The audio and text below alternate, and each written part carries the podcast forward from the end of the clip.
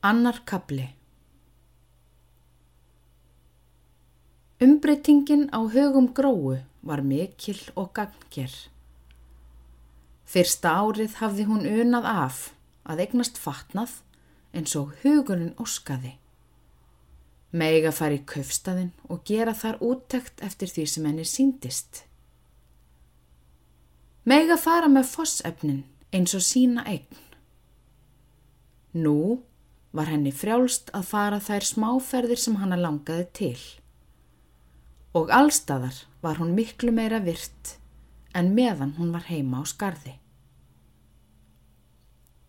Með einu stígi hafði gróa náð sömu metorðum og bestu húsfriðurnar í dalnum. Það var ekki löst við að allt þetta stígi til höfuðs henni, hreyfði blóðið líkt og hressandi vínandi.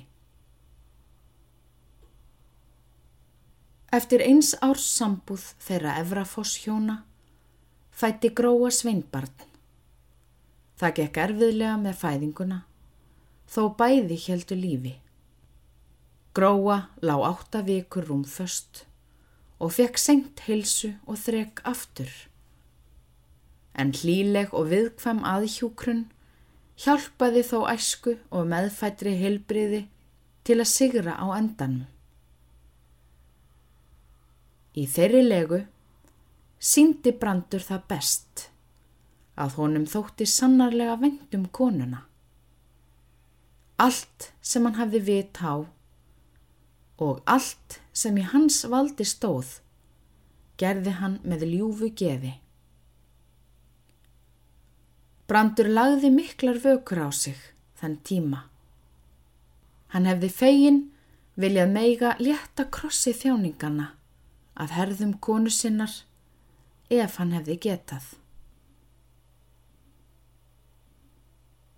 Gróa hafði ekki getað fest ást á manni sínum, en hún kunni þó að metta hvað hann hafði verið henni eftirlátur og ljúfur í legunni.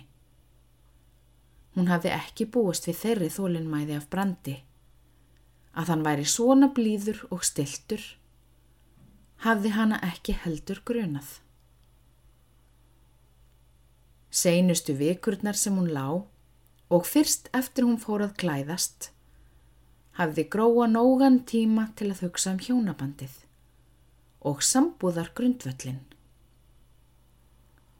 Hún sakaði sjálfa sig fyrir kulda og ástleysi gagvartónum sem hafði hjálpað henni frá fátækt og bastlinu á skarði og verið sér svo góður og eftirlátur. Aldrei gátt hún full þakkað brandi alla þá hjálp sem hann hafði veitt henni í veikindunum. Skildan bauð henni að elska eiginmann sinn og þeirri helgu skildu einsetti hún sér að fylgja. En í djúpi tilfinningana var samt ein hugsun sem skinseminn varnaði að koma höfðinu upp úr. En hún sveimaði og ringsnýrist samt. Þessi halfskapaða og óþroska tilfinning. Og oft hafði hún raskað ró gróu. Mart hitakastið bakað henni. Var von til þess að hún geti fest starka ást og ævarandi á manni sínum. Hún sem hafði gifst efnunum og jörðinni. Tekið hann með, þó ekki í kaupæti. Brandur var það eina af fossbúinu sem henni hafði kvorki þótt eigulegt nýja laðandi. Hafði hún selt sig? Nei, hún hafði ekki gert það. Var hún of tallíðin, of ósjálfstæð? Nei, hún hafði aðeins þekktan of lítið.